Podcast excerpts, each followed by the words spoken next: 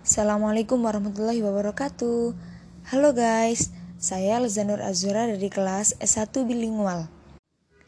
Di sini, saya akan membacakan kerangka konsep home care, the RISE model dynamic self-determination of self-care. Home care adalah pelayanan kesehatan yang diberikan terhadap individu dan keluarga di tempat tinggal mereka yang bertujuan untuk meningkatkan, memulihkan, dan mempertahankan kesehatan atau juga bisa diartikan memaksimalkan tingkat kemandirian dan meminimalkan akibat dari penyakit.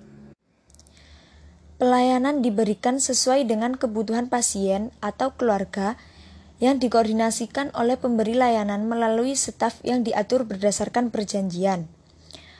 Pemberi layanan yang dimaksud di sini adalah tenaga perawat. Teori model RISE yaitu Dynamic Self-Determination of Self-Care. Yang dimaksudkan dari model ini adalah bahwa pasien diberikan kebebasan untuk menentukan pilihannya dalam merawat dirinya sendiri untuk menjaga keseimbangan kesehatan mereka sendiri. Peran perawat home care adalah sebagai fasilitator pasien dalam menentukan pilihannya untuk merawat dirinya sendiri ada tiga tahap hubungan caring antara perawat, pasien, dan caregiver, yaitu yang pertama dependent. Pada tahap awal, perawat akan melakukan sebagian besar perawatan pada pasien, kemudian mulai melakukan pendidikan kesehatan, memberikan pengetahuan, dan melatih klien atau pengasuh pasien dalam merawat pasien. Kemudian, yang kedua, interdependent pasien atau pengasuh pasien sudah mulai memiliki pengetahuan, keterampilan, dan kepercayaan diri untuk melakukan perawatan secara mandiri dengan bimbingan dari perawat home care sesuai kebutuhan. Kemudian yang ketiga, in. Pasien atau pengasuh pasien sudah mandiri melakukan aktivitas perawatan diri dengan intervensi minimal dari perawat.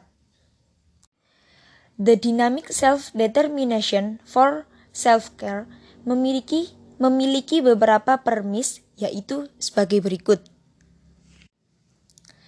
Yang pertama, setiap orang memiliki pengaruh besar terhadap kesehatannya masing-masing. Hal ini adalah faktor alamiah yang mendorong kita untuk mendapatkan ukuran kesehatan yang optimal. Kemudian yang kedua, Kesehatan yang optimal mengacu pada level fungsional tertinggi dan multi dan multidimensional. Kemudian yang ketiga, proses pengobatan medis dan pendidikan kesehatan tidak menjamin terhadap terwujudnya kesehatan optimal. Kemudian yang keempat, pasien adalah wujud holistik sepanjang rentang kehidupan. Yang kelima, partisipasi pasien dalam perencanaan keperawatan dan keberhasilan pengelolaan kebutuhan perawatan kesehatan di rumah merupakan hasil dari penentuan mandiri secara dinamis terhadap perawatan diri klien. Yang keenam, terjadi kerjasama antara perawat, pasien, pengasuh pasien, dan tim profesional lainnya dalam menentukan tujuan, pengambilan keputusan, dan pengetahuan. Kemudian yang ketujuh, pasien atau pengasuh pasien berbagi tanggung jawab dalam merawat pasien yang difasilitasi oleh perawat home care. Kemudian yang kedelapan, perawat home care berperan sebagai fasilitator pasien dalam menentukan sendiri perawatan dirinya dan melibatkan berbagai aspek caring. Yang kesembilan, pengasuh atau keluarga dipandang sebagai kepanjangan tangan dari pasien dan kebutuhan pasien berperan dalam merawat pasien. Kemudian yang terakhir, hubungan antara perawat, pasien, dan pengasuh adalah hubungan saling percaya dan menjamin keselamatan lingkungan bagi semua yang terlibat. Jadi, dapat diambil kesimpulan Home care merupakan bagian integral dari pelayanan keperawatan yang dilakukan oleh perawat untuk membantu individu ataupun keluarga dan masyarakat untuk mencapai kemandirian dalam menyelesaikan masalah kesehatan yang mereka hadapi. Sekian. Terima kasih dari saya, kurang lebihnya saya mohon maaf. Wassalamualaikum warahmatullahi wabarakatuh. Assalamualaikum warahmatullahi wabarakatuh. Good morning, everybody. How are you today? Okay, I want to introduce myself. My name is Elza Nur Azura. You can call me Elza.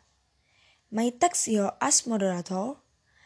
I will explain about course presentation. Topic today is blah blah blah and speaker blah blah blah. Okay, time for explanation topic 50 minutes, time for discussion 50 minutes, and the last 5 minutes for conclusion. I hope you can enjoy it guys.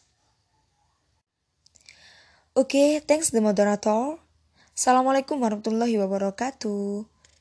Thanks for coming to this presentation. Do you know about blah blah blah?